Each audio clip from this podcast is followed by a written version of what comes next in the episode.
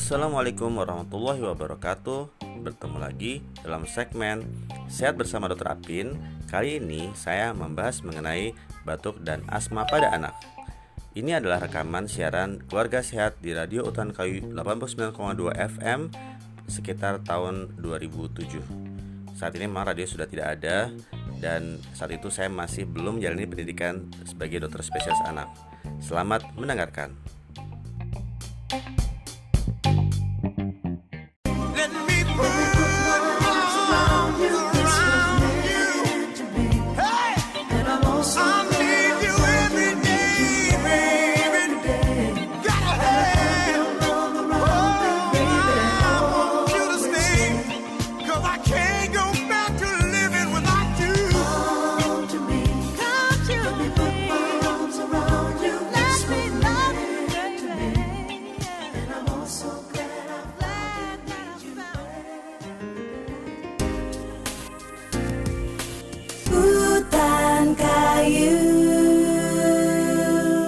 Warga kota masih bersama FM 89,2 Radio Tan Kayu, radio yang mendengar Anda dan kini kita sudah tiba di segmen yang kedua di Keluarga Sehat dan kita akan membahas mengenai masalah batuk dan asma. Sudah bersama kita ada Dr. Arifianto dari Yayasan Orang Tua Peduli. Selamat pagi, Dokter. Selamat pagi. Dan juga ada rekan Nita Rosida. Selamat pagi, Nita.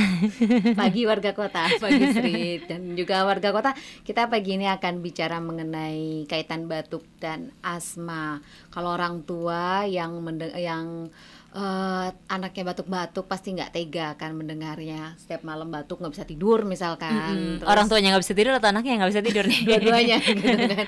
Dan setiap batuk harus dihentikan. Pokoknya itu aja yang mestinya di entah karena orang tuanya merasa terganggu atau bukan ya. Mm -hmm. nah terus uh, batuk ini juga katanya kan menandakan sakit. Tapi sakit apa yang bisa ada kaitannya dengan batuk? Apakah asma atau tidak? Ini akan kita bahas hari ini. Nah uh, langsung saja kali ya dokter Hapin ya. Asma itu apa sih dok sebenarnya dari definisinya uh, asma itu adalah peradangan uh, menahun dari saluran napas uh, terutama di saluran napas bawah dan di sini melibatkan banyak sekali faktor uh, istilahnya mediator kimia dalam tubuh. Nah, jadi ada dua kata kunci di sini. Jadi harus ada istilah peradangan dan hmm. sifatnya tuh kronik atau menahun.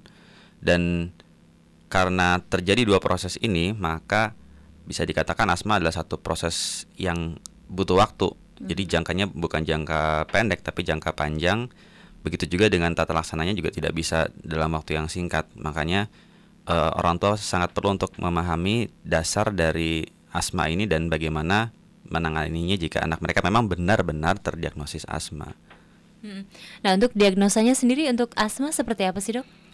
Ya, secara umum uh, ada dua ya gejala utama yaitu tadi dikaitkan pertama dengan batuk dan yang kedua dengan uh, mengi. Jadi bunyi ngik-ngik atau bahasa Inggrisnya tuh wheezing. Dan di sini asma um, agak susah memang untuk didiagnosis pada anak dibandingkan pada dewasa. Karena sama halnya dengan banyak penyakit lain misalnya seperti ambil contoh penyakit saluran napas lain TBC tuberkulosis. Itu pada orang dewasa lebih mudah mendiagnosis tapi pada anak lebih sulit, lebih sulit. Hmm. jadi uh, kita pertama kali harus melihat pada keluhan si anak yaitu ada batuk atau mengi. Jadi bisa batuk saja bisa mengi saja atau batuk dengan mengi dua-duanya ada. Nah kalau eh, pada anak di bawah tiga tahun gejala ini lebih sering samar. Karena banyak bis, uh, ada sebuah penelitian yang mengatakan pada anak di bawah tiga tahun itu 50% pasti pernah mengalami satu kali minimal ya satu kali dalam uh, 1 0 sampai 3 tahun itu episode mengi. Jadi pernah bunyi ngik-ngik. Dan orang tua begitu mungkin ya katakanlah anaknya dari sejak lahir belum pernah terdengar mengi. Tiba-tiba umur satu tahun ada mengi. Hmm. Nah, ini kan satu hal yang baru dan orang tua jadi terkejut apakah ini benar asma atau tidak. Padahal dari 50% ini nanti ternyata yang terdiagnosis benar-benar asma itu hanya satu pertiganya. Hmm. Jadi hmm. Uh, pertama tadi keluhannya harus diakses lebih lanjut. Nanti ada dilihat faktor-faktor yang uh, mendukung namanya faktor-faktor resiko. Misalnya antara lain apakah orang tua ada yang memiliki asma juga. Karena dikatakan asma ini ya penyakit apa ya keturunan atau secara genetik memang bisa menurun. dan ada satu istilah dalam uh, asma dalam uh, asma atau alergi namanya atopi.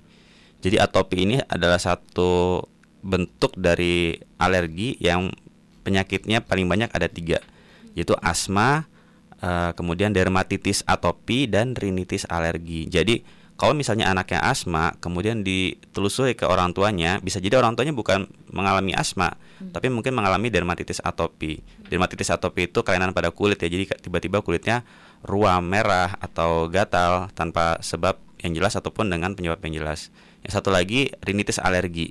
Jadi bisa jadi anaknya asma tapi orang tuanya tidak asma tapi hanya rinitis alergi. Rinitis alergi itu setiap pagi uh, jadi bangun tidur biasanya itu bersin-bersin sampai hidungnya meler.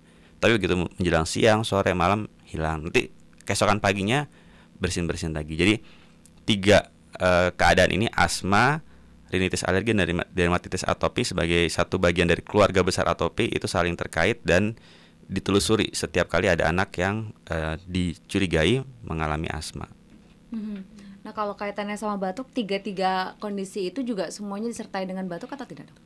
Yang disertai batuk hanya asma. asma saja, mm -hmm. karena memang eh, kan kalau dermatitis atopi sel, uh, lebih ke arah kulit ya, kelainnya di kulit. Rinitis alergi bisa bersin-bersin, bisa juga batuk, mm. tapi lebih cenderung uh, banyak bersin dibandingkan batuknya. Kalau asma, batuknya uh, lebih do sangat dominan dan ketika seorang anak batuk tentunya dipikirkan tidak sekedar asma saja hmm. tapi banyak sekali ketika orang tuanya merokok pun juga batuk. anak yang sensitif bisa terbatuk-batuk. Jangankan anak-anak ya orang-orang lain pun juga orang dewasa pun batuk-batuk. Hmm. bisa juga batuk-batuk ini batuk alergi. Jadi sering kali anak terbangun tengah malam tiba-tiba batuk-batuk. Setelah ditelusuri e, sebenarnya bukan asma tapi dia punya alergi terhadap debu. Jadi di kamar kadang-kadang kan kamar itu jadi tempat penyimpanan semua barang ya. Apalagi hmm, kalau buku dan ya, lain ya. Hmm. semua yang berpotensi untuk menyimpan hmm. debu. Dan kalau tidur malam hari kan posisi tubuh tuh telentang dan kita kan napas teratur. Kadang-kadang tanpa disadari itu debu sedikit-sedikit masuk saluran napas hmm. sehingga kalau sudah e, mengiritasi maka akan dibatukan oleh anak. Jadi kadang-kadang batuk-batuk malam hari yang alergi pun e, ada beberapa yang disalah tafsirkan sebagai asma juga. Jadi batuk spektrumnya sangat e, banyak, tapi satu hal yang harus diingat adalah semua yang terjadi di tubuh kita itu harus dipikirkan apa sih kenapa tubuh membuat seperti ini? Hmm. Kenapa tubuh membuat batuk? Apakah setiap batuk itu harus dihentikan misalnya dengan diberikan obat uh, antitusif sehingga tidak batuk lagi? Nah, batuk ya ini sudah pernah dijelaskan beberapa kali adalah refleks dari pertahanan tubuh untuk mengeluarkan benda asing. Apakah debu atau misalnya dahak akibat uh, infeksi virus atau akibat alergi. Jadi pertama diobservasi dulu. Batuk yang dikatakan dalam keadaan gawat darurat adalah batuk disertai dengan sesak. Mm-hmm. Dan sesak itu tanda-tandanya jelas ya. Jadi dadanya itu ketika anak bernapas dadanya seperti tertekan ke dalam atau sampai hidungnya itu uh, apa kembang kempis berarti anaknya sudah sesak cukup berat apalagi kalau sudah sampai biru uh, bibirnya. Jadi hmm. kalau batuk tanpa sesak itu diobservasi dulu. Jangan langsung di stop gitu. Kalau untuk menghentikannya bisa dengan cukup diberikan air putih saja untuk melembabkan saluran napas sehingga tidak teriritasi. Hmm. Ya, warga kota Anda bisa menanyakan ini seputar batuk dan asma melalui pesan pendek ke 0812 118 8181 atau telepon di 8590 9946 dan 47. Dokter Apin tadi sempat menyebutkan kalau untuk mendiagnosa asma pada anak itu tidak mudah. Nah, kemudian juga uh, apakah misalnya ada serangkaian tes yang harus dilakukan agar eh, betul-betul uh, uh, bisa uh, diagnosa itu betul gitu kalau misalnya anak itu uh, terkena asma? Uh, pemeriksaan penunjang yang dikatakan sebagai baku emas atau yang bisa membedakan apakah ini asma atau tidak adalah pemeriksaan spirometri. Ini uh, bisa dilakukan di klinik atau di rumah sakit. Namun spirometri ini butuh kerjasama uh, kooperativitas dari si anak dan umumnya pada anak di bawah lima tahun mereka masih belum mengerti, masih belum kooperatif untuk hmm. melakukan hmm. pemeriksaan spirometri. Jadi anak itu uh, ada satu semacam tabung panjang dimasukkan ke mulutnya, nanti anak disuruh membuang napas uh, dalam-dalam. Nanti di situ keluar angka-angka dilihat. Uh, jadi berapa kapasitas paru untuk uh, mengembang dan juga membuang napas secara total. Itu bisa dilakukan seperti itu. Atau ada juga pemeriksaan lain yang bisa dilakukan di rumah dan orang tua itu bisa diajarkan untuk uh, melakukannya itu namanya uh, pemeriksaan peak dengan alat peak flow meter. Nah, peak flow meter ini di luar ya di Amerika, Eropa itu sangat umum untuk digunakan oleh orang tua. Jadi kalau orang tua yang anaknya terdiagnosis asma, mereka dibekali alat uh, peak flow meter ini. Jadi setiap kali ada serangan nanti anaknya disuruh uh, buang napas dalam-dalam diukur angkanya nanti dicatat kemudian dikonsultasikan ke dokter. Tapi di Indonesia ini masih sangat uh, jarang, sangat um, ya diagnosis asma biasanya dikatakan asma dan kemudian diberikan obat saja tanpa dilakukan monitoring. Padahal asma ini spektrumnya cukup uh, luas dan kalau dilihat di di luar ya penelitian itu hmm. angka anak absen sekolah tidak masuk sekolah akibat asma itu cukup tinggi. Hmm. Jadi hampir mencapai 10% dari anak sekolah. Makanya begitu seorang anak didiagnosis asma butuh kerjasama baik dari orang tua maupun dari guru maupun bahkan dari sopir bus e, antar jemput hmm. semua itu e, ada satu koordinasinya ada satu lembar pencatatannya sehingga asma ini bisa dikontrol dan anak pun e, tingkat untuk belajar di sekolahnya juga tidak terganggu. Hmm. Nah, yang mungkin uh, kalau kemudian uh, anak didiagnosis sebagai uh, terkena asma, ini kan berarti harus melihat pada orang tuanya juga gitu kan, uh, ada keturunan atau tidak. Tapi sebenarnya asma itu sendiri bisa disembuhkan nggak sih dok? Um, kalau merujuk dari definisi dan bentuk kerusakan di saluran napas yang ditimbulkannya, ya bisa dikatakan asma tidak bisa benar-benar sembuh total mm-hmm. karena ketika sudah terdiagnosis asma maka saluran napas itu sudah terjadi namanya remodeling mm-hmm. remodeling itu uh, jadi seperti kalau kita ada luka di kulit kemudian kan kulit kita tumbuh kulit yang baru mm-hmm. jadi meregenerasi cuma proses regenerasi ini tidak kembali seperti yang semula gitu sudah ada perubahan jadi ibaratnya kalau dulu awalnya elastis gitu jadi agak kurang elastis dan ini proses mm-hmm. yang berlangsung cukup uh, lama dan bisa berulang-ulang. Makanya untuk sembuh total, jadi sebalik seperti jaringan semula itu uh, kemungkinannya sangat kecil, tapi yang bisa dilakukan adalah dengan mengendalikan agar hmm. tidak terjadi serangan berulang. Atau kalau misalnya terjadi serangannya, katakanlah itu serangan yang tingkat berat, bisa dikurangi sehingga serangannya lebih ke arah tingkat ringan. Jadi lebih ke arah pengendalian faktor dan mengenali pencetus. Hmm. Karena setiap serangan itu selalu ada pencetusnya. Jadi sangat penting bagi orang tua untuk mengenali kalau memang sudah didiagnosis asma ya pencetusnya apa dan bagaimana cara menghindarinya sejak anak itu bangun tidur sampai dia tidur lagi. Hmm. Iya dan kemudian uh, dokter Apin ini kalau uh, tadi dokter tidak menyebutkan kalau uh, tes untuk asma ini mendiagnosis uh, asma ini uh, jarang dilakukan oleh di Indonesia atau juga pengawasannya ya dan kemudian kalau uh, ini apa uh, dokter. Apakah itu dengan gampang? Misalnya kalau batuk-batuk kemudian mengi uh, itu didiagnosis asma dan diberikan obat-obatan yang bermacam-macam tentunya ini. Nah ini yang hmm. uh, sangat menarik. Dalam uh, saya pernah mengadakan satu survei hmm. terhadap resep obat uh, obat common cold selesma kemudian batuk batuk pilek. Di situ uh, tampak nyata bahwa uh, dokter, baik dokter praktek umum atau dokter spesialis anak khususnya, hmm. itu memberikan resep kan dalam bentuk uh, sirup dan puyer. Yeah. Nah untuk kasus common cold yang ada gejala batuk pilek, tidak sedikit di dalam resep itu ada obat-obatan asma sebenarnya. Hmm. Jadi misalnya ada salbutamolnya, ada teofilinnya, hmm. kemudian an ada anti alerginya. Jadi uh, semua anak batuk istilahnya ditembak. Jadi dokter kadang tidak karena dia mungkin memikirkan wah jangan-jangan ini bisa jadi ini asma. Bisa jadi jadi diberikan obat anti asma. Jangan-jangan ini alergi. Diberikan juga obat anti alergi. Semuanya diberikan dan diracik dalam uh, satu atau beberapa kemasan resep. Mm. jadi itu uh, inilah lemahnya fungsi diagnosis asma di, di Indonesia dari hasil penelitian uh, survei kecil-kecilan itu. Karena dokter lebih cenderung untuk sudahlah mungkin tidak perlu sampai mendiagnosis. Alasannya mungkin bermacam-macam ya. Apakah karena mungkin uh, nanti kepatuhan dari pasien akan kurang hmm. kalau didiagnosis hmm. asma hmm. atau mungkin orang tua takut tidak bisa menerima anaknya asma atau mungkin juga pemeriksaannya yang ya cukup memakan biaya. Ini ya sudah ditembak saja dengan obat-obatan uh, obat asma, obat batuk, obat alergi ini.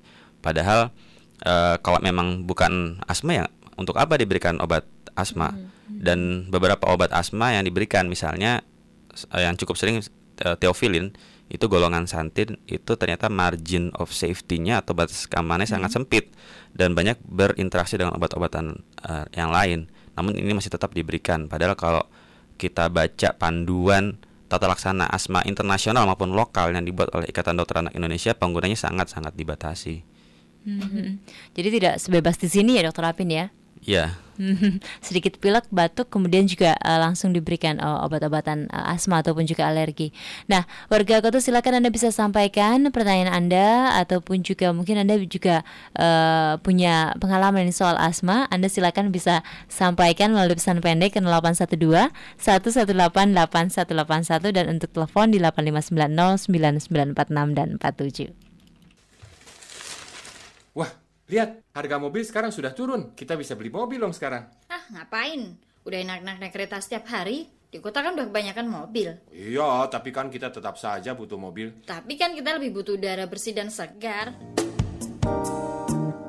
Tak perlu beli mobil kalau bisa pakai kendaraan umum. Semakin jarang pakai mobil, semakin sedikit asap kotor yang mencemari udara kita.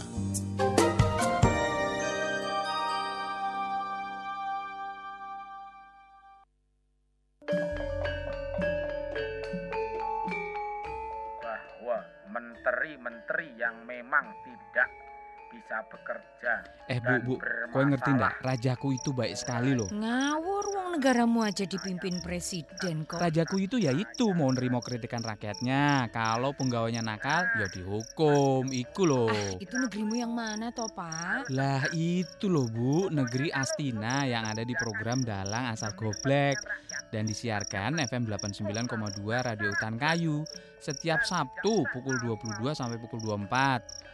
Wah, ndak sekedar mendengarkan tapi bisa urun rembuk sama Raja Astina. Kemudian memecahkan masalah mulai dari pengentitan sampai masalah anggota dewan wayang yang nakalan suka ngapusi wayang jelata. Wah pak, berarti malam minggu ndak perlu nonton di bioskop lagi ya? Iya bu, di rumah aja minum kopi, makan gorengan, dengerin dak gratis, dan kamu di sebelahku. Ah, bapak ini ada-ada aja.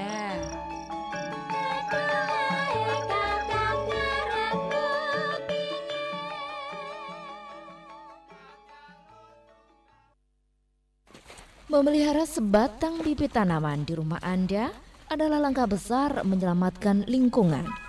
Mari bersama-sama menghijaukan Jakarta. Selamatkan Jakarta dari banjir dan wabah nyamuk. Ya semoga Radio Utan Kayu bertambah jaya dalam program penghijauannya. Kami juga sebagai warga dari RW 06 mengucapkan terima kasih karena kami juga sedang menjalankan uh, penghijauan agar tahun 2010 nanti seluruh Jakarta bisa hijau dan bersih. Terima kasih kepada para pendengar yang sudah bergabung dalam aksi menanam pohon. Program penghijauan Radio Hutan Kayu terus menerima sumbangan bibit tanaman, menyajikan info lingkungan tiap Jumat pukul 15 waktu Indonesia Barat. Ayo, hijaukan Jakarta.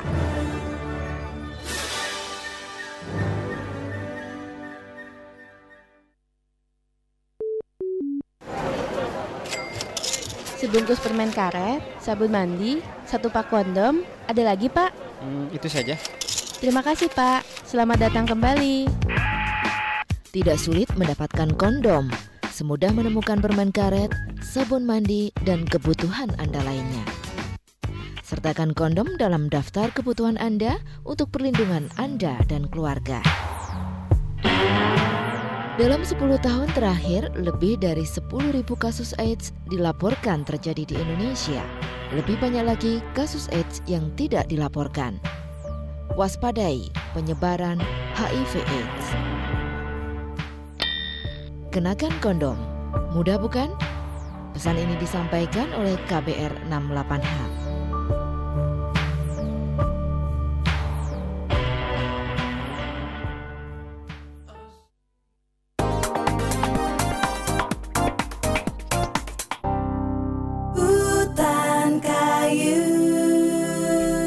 Warga kota masih menyimak FM 89,2 Radio Hutan Kayu, radio yang mendengar Anda dalam keluarga sehat dan kita sedang membahas mengenai masalah batuk dan asma. Dan Dokter Apin, ini ada pesan pendek sih, tapi entah ini berhubungan atau tidak ya. Di sini aja nih, Uh, uh, faktor penyebab apakah benar penyebab badan kurus dia Karena adalah batuk-batuk ya. Batuk kecil sering batuk-batuk gitu loh, Dok. Anaknya sekarang usianya 9 tahun. Mm-mm. Berat badannya tidak disebutkan. Oh, tinggalnya di daerah dingin. Oh, berat badan tinggi badannya tidak disebutkan. Tidak, iya tahun. sayang sekali. Hmm. Ya kurus, ini spektrumnya uh, luas sekali. Pertama kalau memang orang tua ya, biasanya anaknya sih nggak nggak khawatir. ini anak laki-laki ya. Enggak, perempuan. Oh, anak perempuan. Iya, anak 9 tahun anak sekolah biasanya tidak khawatir kalau dia kurus, tapi orang tuanya yang kurus eh, yang khawatir. Yang khawatir ya. Nah, semuanya dikembalikan apakah ini ini kan subjektif sekali. Jadi dikembalikan ke uh, grafik pertumbuhannya apakah memang masuk dalam kategori yang penting kan apakah dia masuk dalam kategori uh, gizi kurang atau -hmm. gizi baik. Kalau memang masih dalam gizi baik ya untuk apa khawatir? Bisa jadi dilihat ini dari faktor uh, genetik atau dari orang tuanya kalau ay ayah ibunya kurus, anaknya kurus tapi yang penting kan sehat, mm -hmm. ya untuk apa dikhawatirkan. Yeah. Dan batuk sendiri ya, kalau memang kurusnya tadi ya uh, termasuk dalam kategori gizi kurang, kita pikirkan karena apakah ini akibat penyakit, penyakit mm -hmm. infeksi misalnya, mm -hmm. um, seperti tuberkulosis atau ada infeksi saluran kemih berulang. Jadi semua itu uh, bisa diakses dan ya tidak harus selalu terkait dengan asma. Mm -hmm. Nah, dok, kalau misalnya batuknya sendiri ini mungkin orang tua misalnya khawatir kalau uh, batuknya ini terlalu sering ya. Sebetulnya kalau untuk uh, usia balita itu itu uh, sampai toleransinya berapa lama. lama sih dia batuk dan kemudian misalnya setahun berapa kali juga gitu. Kalau anak balita mm -mm. kalau dia dia menangis, menangis keras, apalagi kalau dia menangis karena kesal dengan orang tuanya biasanya kan ada batuk-batuk tuh di, di Oh itu yang harus diperhatikan. ya, dan bahkan ada sampai muntah juga mm -hmm. karena hanya sekedar menangis. Mm -hmm. ya, jadi semua itu dilihat dia batuk dalam kondisi apa. Mm -hmm. Dalam kondisi istilahnya tidak ada angin, tidak ada hujan tiba-tiba terbatuk-batuk sendiri atau mungkin dia memang ada kondisi lain ya, misalnya sedang batuk, sedang pilek atau ada orang merokok di sekitarnya. Kalau tanpa sebab tiba-tiba batuk-batuk sendiri dan uh, itu berlangsung sekurang-kurangnya dua minggu. Jadi tanpa sebab dua minggu nah itu harus segera di, diperiksakan. Sekalipun tanpa sesak ya. Jadi apakah ini ke arah alergi atau ke arah infeksi jadi, uh, karena kita butuh uh, tata laksana yang mungkin tidak sekedar jangka pendek tapi juga jangka panjang. Hmm. Dok, berarti tanpa disertai demam dan juga batuk hmm. pilek begitu ya? Iya. Oke. Okay. Ya. Dok, kalau udaranya sendiri misalkan dingin atau panas, apakah itu juga bisa disebut sebagai faktor pemicu untuk munculnya asma atau batuk gitu? Dari suhu udara sendiri sebenarnya uh, tidak. Mm -mm. Tapi kalau karena gini cenderungnya um, kita kan tinggal di daerah di negara uh, tropis ya, mm. um, dan suhu itu terkait sekali dengan kelembaban dan satu uh, pencetus alergi dan asma ini yang dikatakan di dalam uh, kepustakaan ada tuh uh, namanya mold mold itu seperti seperti jamur jadi mikroorganisme mm. uh, jamur sangat kecil tidak terlihat dengan mata telanjang, dia cenderung hidup di daerah yang kelembab itu tadi di kelembaban dengan udara yang sedang dingin. Hmm. Jadi apakah itu di musim dingin atau di kalau di negara tropis di musim hujan. Nah, dalam kondisi seperti itu dia mudah sekali untuk berkembang biak menjadi banyak dan kalau dia uh, lepas dari daerah-daerah yang lembab, misalnya di eh, tembok-tembok uh, yang lembab dan dia terhidup oleh uh, napas maka dia dia bagi anak yang mengalami asma akan terpicu. Jadi hmm. pencetusnya adalah dari mold tadi hmm. sehingga dia terbatuk-batuk sehingga dia sesak. Jadi bukan dari suhunya sendiri tapi dari faktor uh, moldnya tadi yang uh, lebih mudah untuk berkembang biak menjadi banyak di udara yang dingin seperti ini. Hmm. Hmm. Hmm. Nah, warga kota Anda silakan masih bisa menyampaikan pertanyaan Anda melalui pesan pendek 0812 1188181 mengenai asma dan juga batuk dan kemudian untuk telepon di 8590 9946 dan 47. Nah, eh, dokter Apin ini kalau misalnya anak sudah didiagnosis asma, apa yang bisa dilakukan oleh orang tua di rumah? Um, pertama harus dilakukan pengobatan yang tepat. Di sini harus dengan obat. Jadi ada dua jenis obat untuk asma. Yang pertama adalah obat e, namanya reliever atau pereda. Hmm. Jadi di, hanya digunakan ketika anak mengalami serangan, serangan hmm. sesak. Yang kedua namanya controller atau pengendali. Nah, nanti kita kembali ke diagnosis asma. Diagnosis asma menurut e, konsensus dari UKK Pulmonologi Ikatan Dokter Anak Indonesia itu ada tiga. Ada asma episodik hmm. e, jarang, ada asma episodik sering dan ada asma uh, persisten.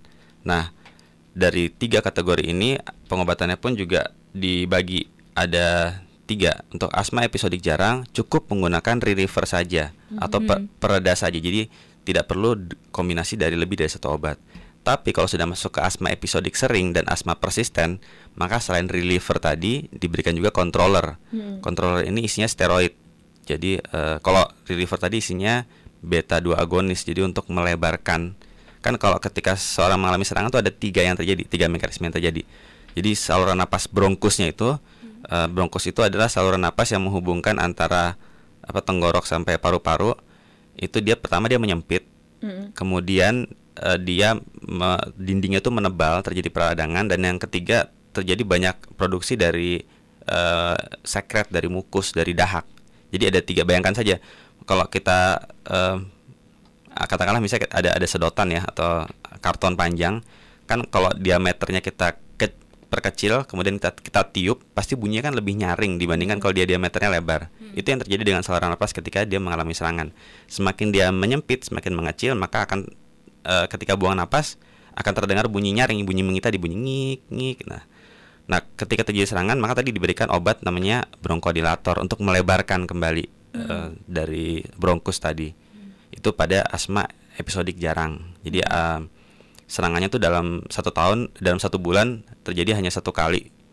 Nah, kalau sudah menjadi asma episodik sering, jadi dalam satu bulan dalam satu bulan lebih dari satu kali, maka diberikannya tadi selain untuk melebarkan dari pembuluh, eh, da- maaf dari bronkus tadi juga diberikan obat untuk mengurangi peradangan. Mhm. Jadi diberikan steroid. Itu juga sama dengan asma persisten. Persisten itu artinya dalam satu minggu selalu terjadi eh, serangan. Mhm. Nah, masalahnya adalah em, anjuran menggunakan obat asma itu dengan obat hirup, dengan spray, dengan eh, apa? Bukan dengan obat-obatan yang diminum. Jadi yang ya pasti pernah melihat ya obat yang spray yang dihirup Mm-mm. atau kalau pergi ke rumah sakit ya di diuap, dinebulisasi ketika terjadi serangan. Nah, masalahnya adalah untuk yang sifatnya obat jangka panjang tadi, obat yang asma persisten, eh, asma episodik sering dan asma persisten itu harus digunakan eh, setiap hari. Jadi ada do- dosis yang harus diberikan setiap hari. Nah, harganya masih cukup mahal dan satu sediaan itu biasanya untuk 100 kali semprot eh, habis. Jadi satu eh, tabung itu digunakan 3 sampai 4 bulan dan harganya ya relatif mahal. Dan tentunya dari segi kantong orang Indonesia apalagi eh, di puskesmas ya kalau mem- memang didiagnosis asma di puskesmas ini masih belum disubsidi oleh pemerintah. Jadi penggunanya dengan obat-obatan minum. Hmm. Padahal di sisi lain obat minum ini efek sampingnya lebih eh, berat, lebih besar dibandingkan obat-obatan yang spray tadi ya, yang yang dihirup. Mhm. Ma- ma- makanya em, ini satu tantangan sebenarnya bagi bagi pemerintah khususnya bagaimana anak-anak yang didiagnosis asma ini, khususnya asma yang sampai mengganggu produktivitasnya di sekolah, di rumah, itu diberikan ya bantuan untuk bisa mendapatkan pengobatan asma secara tepat. Karena ya, ada beberapa kasus yang memang mengalami efek samping. Seperti steroid tuh kalau digunakan jangka panjang dia punya efek eh, seperti osteoporosis dini, Mm-mm. kemudian adanya gangguan perdarahan, eh, perdarahan di saluran cerna. Nah, tapi dengan pemberian steroid yang sifatnya diberikan dihirup tadi, itu eh, efek sampingnya akan jauh lebih berkurang dan timbulnya lebih lama lagi. Mhm. Ini ini masalah dalam penanganan asma secara tepat di Indonesia. Mhm. Kalau jadi atlet, anaknya nanti kena doping tuh. Steroid. Steroid ya nggak boleh. ya, warga kota yang masih punya kesempatan sampai nanti pukul 8 waktu Indonesia Barat. Anda silakan bisa berkirim pesan pendek ke 0812 118 8181, telepon di 8590 9946 ataupun 47. Kita akan kembali setelah selingan berikut.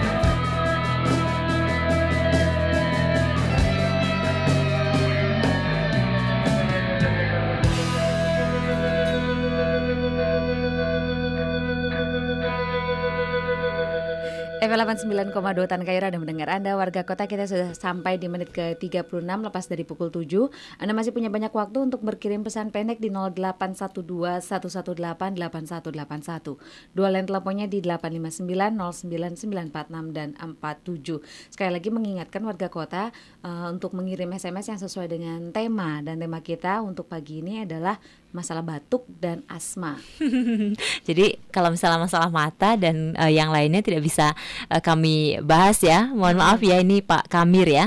Dan untuk Anda warga kota uh, tadi pesan pendek bisa dikirimkan sampai dengan nanti sampai dengan pukul uh, 8 waktu Indonesia Barat. Dan kemudian ada pesan pendek ini dari Pak Hasi di Pasar Minggu. Tapi ini uh, menyebutkan merek ya tidak saya bacakan ya. Dulu seingat saya ada obat sirup untuk penyakit asma yang sangat bagus. Ini kalau tidak salah ini produk buatan dari Swedia. Apakah itu masih ada atau tidak dok katanya? Ya nggak tahu nih. Agak repot. Emang memang ada yang bentuknya sirup untuk penyakit asma itu? Ya ada. Um, Sediaan yang diminum ada dalam bentuk sirup dan bentuk tablet. Hmm. Untuk anak memang diberikannya uh, sirup, tapi tentu saja penggunaan obat yang diminum ini atas pengawasan dari dokter Gak bisa sembarang langsung ya dok ya? Iya, tidak bisa langsung uh, membelinya karena tadi saya katakan yang paling aman adalah menggunakan obat inhaler yang dihirup. Mhm, mhm. Nah ini kemudian ada, ada juga Pak Umar sebenarnya juga menyebutkan nama merek tapi kita sebut saja ini obat anti sesak napas yang paling terkenal lah karena karena komersil sekali. Ini ada efek sampingnya nggak dok ya? Karena dia sering sekali minum obat yang satu ini. Semua obat pasti ada uh, efek sampingnya. Untuk yang beta 2 agonis tadi yang bronkodilator melebarkan em, apa bronkus itu Mhm. efek samping yang uh, cukup mengganggu antaranya adalah uh, palpitasi jadi berdebar-debar jantung tuh Mhm. berdebar-debar hebat Uh, dan kadang jadi tremor uh, gemetar Hmm. ada gangguan tidur uh, mual uh, diare jadi semua itu pasti ada efek samping dan itu tadi efek samping dari obat bronkodilator yang cukup sering dirasakan oleh mereka yang meminumnya Iya. Nah, eh, dok ini ada pertanyaan dari 921 sekian sekian sekian katanya kalau anak didiagnosis asma apa yang dilaku, harus dilakukan oleh orang tua bisa minta tes tambahan atau tidak ya katanya dan lalu katanya disarankan oleh dokter ini kelihatannya harus tidur menggunakan eh, alas karet. Ya, em, ada satu panduan sebenarnya menyebutkan ketika orang tua mm, mengetahui anaknya asma, maka orang tua itu harus dibekali dengan eh, asma management plan. Jadi rencana tata laksana asma yang bisa dilakukan oleh orang tua.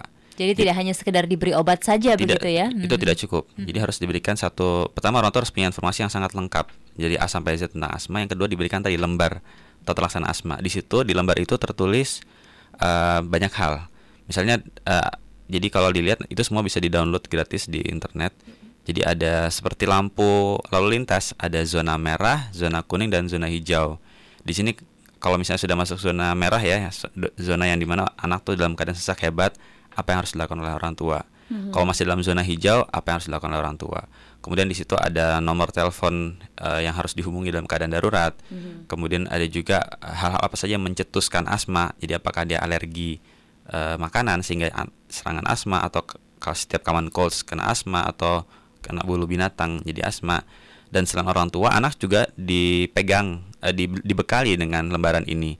Jadi kalau misalnya dia pergi sekolah tiba-tiba terjadi serangan untuk anak yang katakanlah masih SD kelas 1 kelas 2 kemudian masih antar jemput eh, dengan sopir yang eh, dengan anak-anak yang lain itu sopirnya juga harus diberitahu eh, anak saya punya asma dan dia memegang lem- lembaran. Nanti kalau anak saya terjadi serangan nanti dia akan memberikan lembaran ini dan apa yang harus dilakukan oleh sopir. Jadi tidak hanya untuk orang tua tapi untuk semua elemen termasuk dengan guru. Guru Mhm. juga harus tahu anaknya di sekolah tuh ada berapa yang muridnya yang terkena asma kemudian nanti eh, dia memegang semua catatan itu.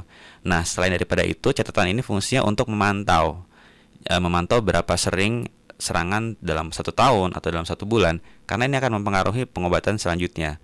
Jadi ada istilah eh, step up dan step down dalam pengobatan asma kalau misalnya awalnya didiagnosis asmanya persisten yang berlangsung setiap bulan pasti ada serangan setiap minggu ada serangan.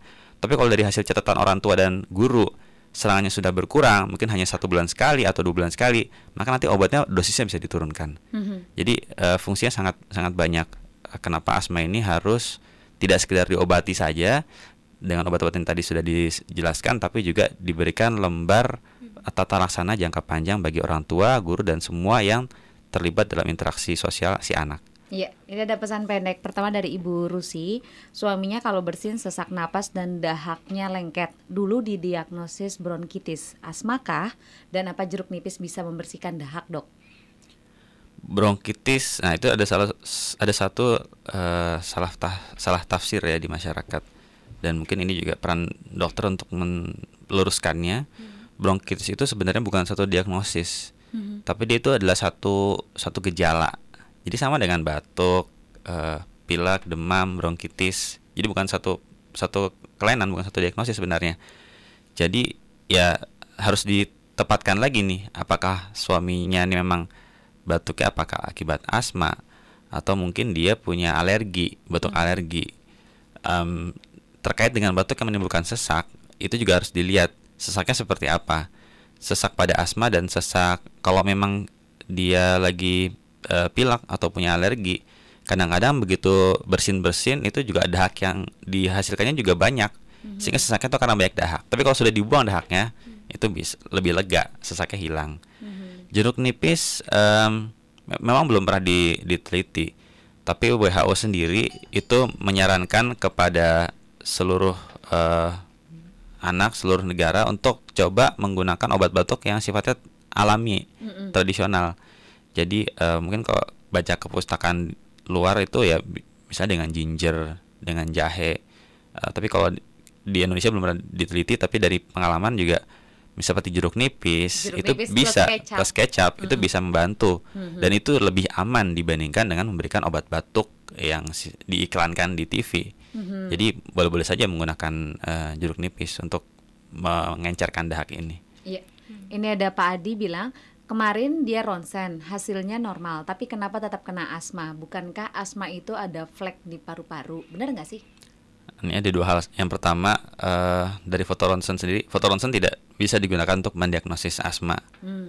Ya, hmm. Jadi bisa sebagai pemeriksaan tambahan, tapi bukan diagnosis asma bukan utama bukan dari foto ronsen, tapi dari spirometri tadi. Hmm. Yang kedua uh, flek. Nah, di foto ronsen flek itu semua orang hidup pasti ada flagnya. Jadi ada gambaran-gambaran bercak-bercak pembuluh darah, mm-hmm. pembuluh darah di sekitar kelenjar getah bening di paru. Nah, flag itu sendiri konotasinya ya selama ini sebenarnya lebih ke arah tuberkulosis, TBC, TBC atau TB, bukan ke asma. Jadi ya tadi uh, coba diluruskan lagi, uh, diskusi lagi uh, dengan dokternya uh, bagaimana penegakan diagnosis asma melalui foto ronsen ini Padahal harusnya kan melalui gejala. Oh, tadi ada yang terlupa satu lagi mm -hmm. uh, yang cukup khas asma itu adalah terjadinya serangan itu di malam hari. Jadi ada batuk, batuk malam atau mengi di malam hari itu jadi lebih khas untuk mendiagnosis asma. Jadi kalau memang ada gejala seperti ini juga uh, itu dibicarakan mungkin sebenarnya dari situ bukan dari foto ronsen ya. Jadi jangan sampai diagnosis asma itu ditegakkan semata-mata karena foto ronsen. Kalau soal flek pak paru itu memang uh, bisa menunjukkan kalau uh, ada asma selalu ada flek di paru-paru. Hmm. Semua tadi sekarang semua orang yang normal hmm. ada fleknya. Pasti ada ya. Ketika hmm. seorang batuk pilek, jadi kalau misalnya dibandingkan ya mungkin kalau iseng-iseng membandingkan lagi sehat general check up, kemudian lagi batuk pilek saja di foto itu akan terlihat sekali ketika batuk pilek tuh corakan akan meningkat corakan mm -hmm. flek-flek itu akan menjadi lebih banyak mm -hmm. istilahnya fotonya itu lebih rame gambarnya dibandingkan sebelumnya mm -hmm. jadi ya bahkan diagnosis TB TB pada dewasa pun ya TBC yang jelas-jelas TBC yang istilahnya sering disalah katakan sebagai flag itu hmm. tetap saja bukan dari foto ronsen tapi dari pemeriksaan dahak. Jadi foto ronsen ini sangat banyak interpretasinya. Hmm. Oke okay, ya. Isengnya mahal. foto ronsen. Iseng kok foto ronsen. Kena radiasi lah ya. Rugi banget ya. Nah, warga kota silakan pesan pendek bisa Anda layangkan terus di 0812 1188181 dan uh, ini pesan pendek yang sudah masuk akan kita bahas setelah jeda berikut ini.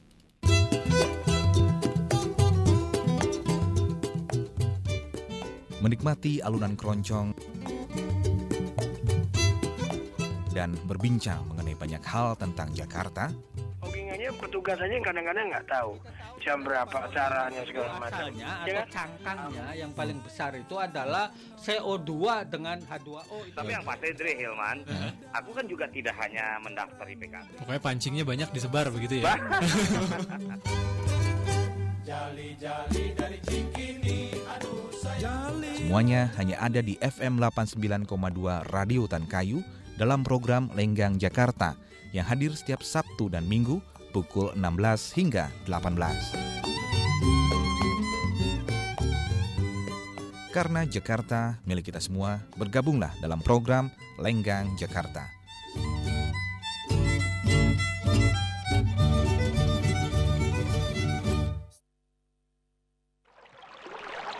Banjir, bencana yang terus melanda negeri ini seakan menjadi lumrah. Haruskah terus terjadi? Hutan bukan untuk dimusnahkan, namun mesti kita jaga. Sungai bukanlah keranjang sampah. Bantaran sungai juga bukan tempat hunian ideal. Saatnya kita semua bertindak mematuhi ketentuan rencana tata ruang, membenahi ruang di sekitar kita, agar banjir tidak menjadi sosok yang menakutkan. Ruang kita menjadi lebih aman dan nyaman. Ayo benahi tata ruang. Pesan ini disampaikan oleh Direktorat Jenderal Penataan Ruang, Departemen Pekerjaan Umum.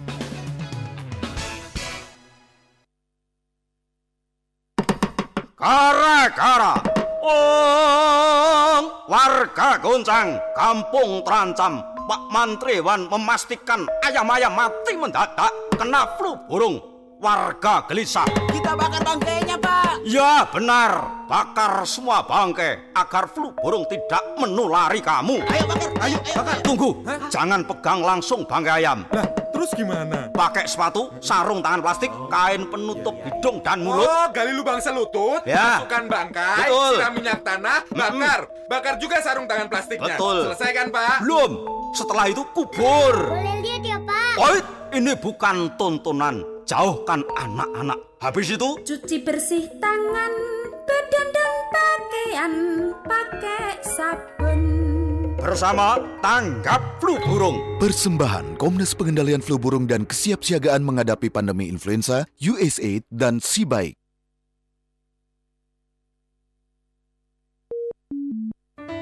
Anda merindukan seorang figur Gus Dur? Jadi kalau orang iman tapi sikapnya begitu namanya mendua. Gus Dur yang kaya pemikiran. Jadi antara menjadi komunis dan ngerti komunis itu beda. Gus Dur yang memberi pencerahan Pergi ke Mekah untuk umroh dan haji, pulangnya tetap korup. atau Gus Dur yang gemar melempar lelucon? Ribut, nggak boleh poligami. Sekarang dia sendiri yang kawin dua. Nah, Anda bisa simak di program Kongko bareng Gus Dur, gratis dan terbuka untuk umum tiap Sabtu pukul 10.06 waktu Indonesia Barat di Kedai Tempo, Jalan Utan Kayu 68H. Di Jakarta, Kongko bareng Gus Dur mengudara di FM 89,2 Utan Kayu.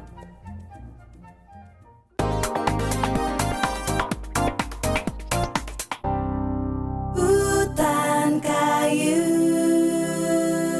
Warga kota masih bersama FM 89,2 Radio Tan Kayu, radio yang mendengar Anda dan kalau eh, Anda akan menanyakan seputar asma dan batuk ini masih ada kesempatan sampai dengan nanti pukul 8 waktu Indonesia Barat. Silakan Anda bisa gunakan dua line telepon di 8590 9946 dan 47 atau pesan pendek di 0812 1188181. Dokter Apin, ini sudah ada pertanyaan dari Pak Tony. Katanya apakah sakit asma eh, faktor keturunan dan bisa disembuhkan secara total?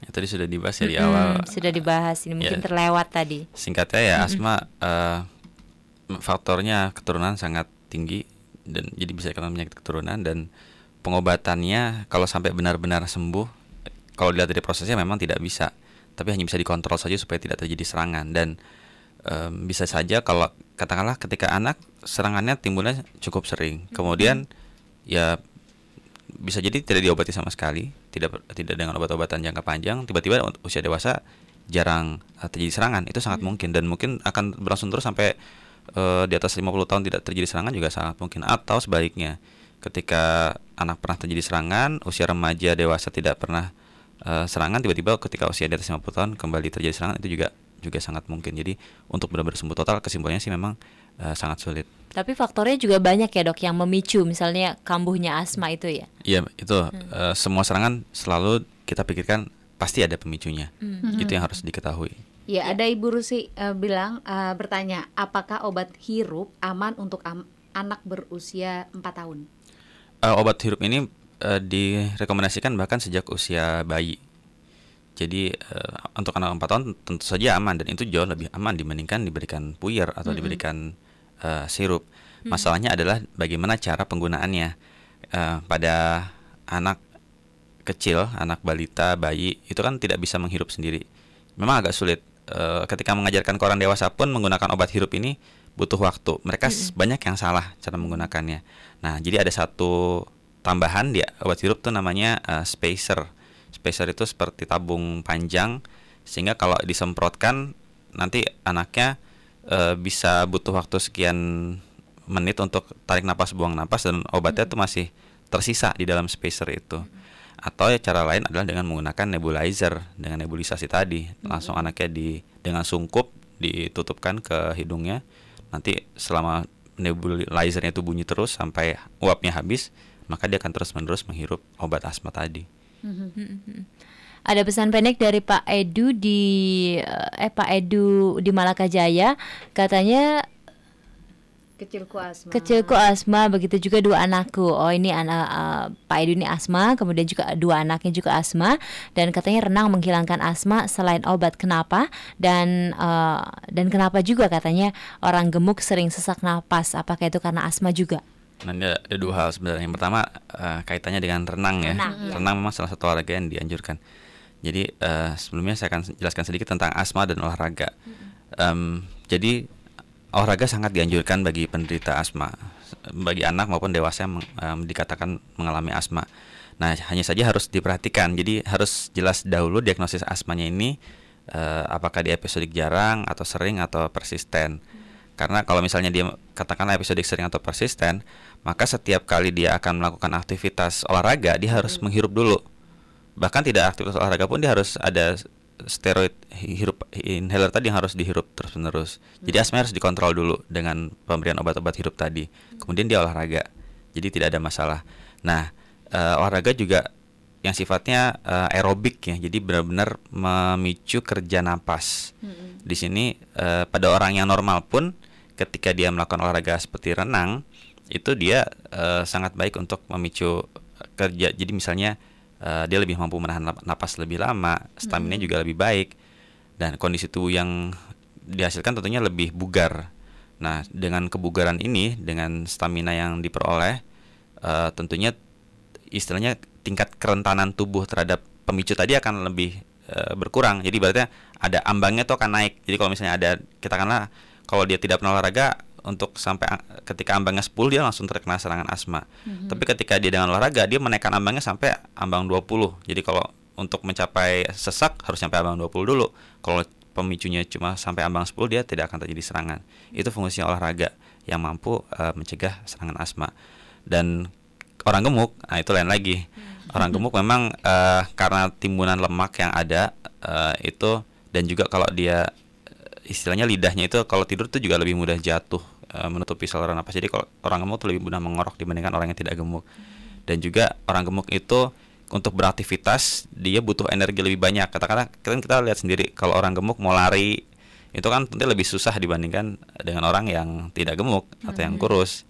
Nah, itu jadi sesak napasnya itu karena dia butuh butuh metabolisme lebih untuk mencapai tingkat aktivitas yang sama dibandingkan orang yang tidak gemuk. Jadi sesaknya dari situ, dari kemampuannya untuk beraktivitas melakukan metabolisme, bukan dari asma. Mm -hmm. Nah ini mungkin uh, kita sudah sampai di menit 55 nih dok. Silakan mungkin dokter punya tips atau punya pesan yang akan disampaikan kepada orang tua yang punya anak-anak uh, dengan penyakit asma. Apa yang boleh dan tidak boleh dilakukan? Hmm. mungkin itu yang bisa disampaikan dokter Apin. Ya yang pertama asma harus didiagnosis dengan tepat. Itu Karena banyak yang overdiagnosis. Jadi bukan asma dikatakan asma tadi.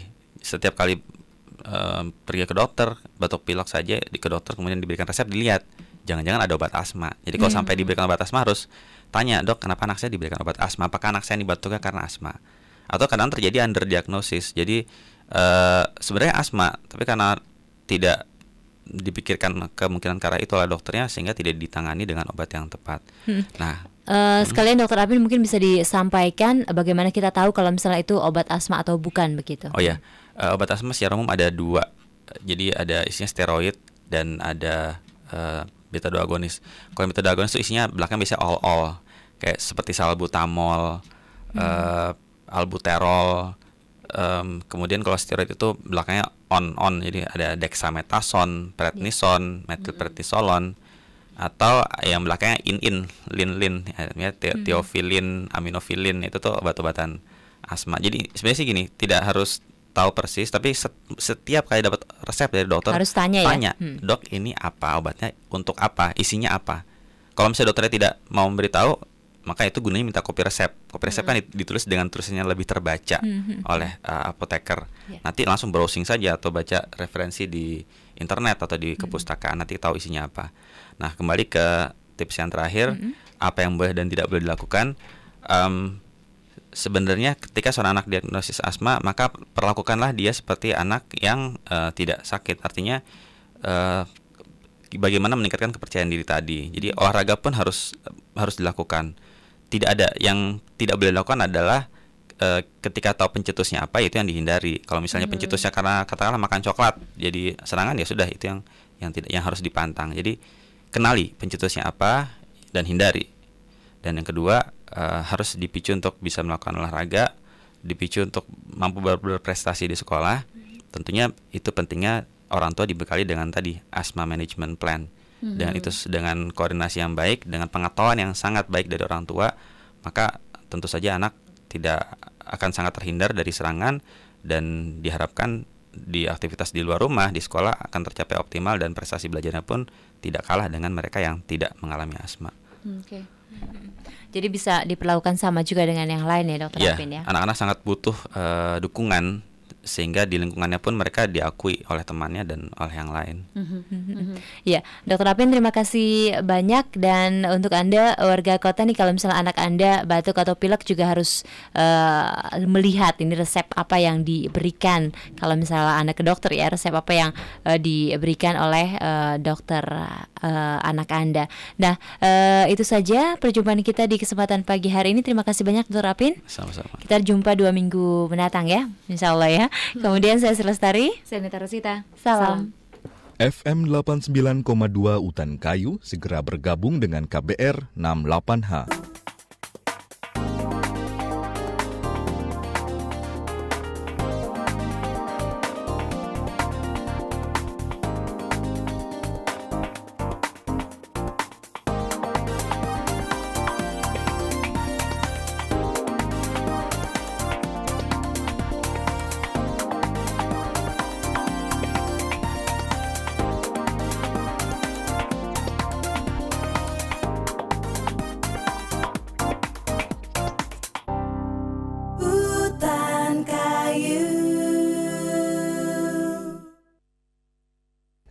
89,2 Utan Kayu segera bergabung dengan KBR 68H.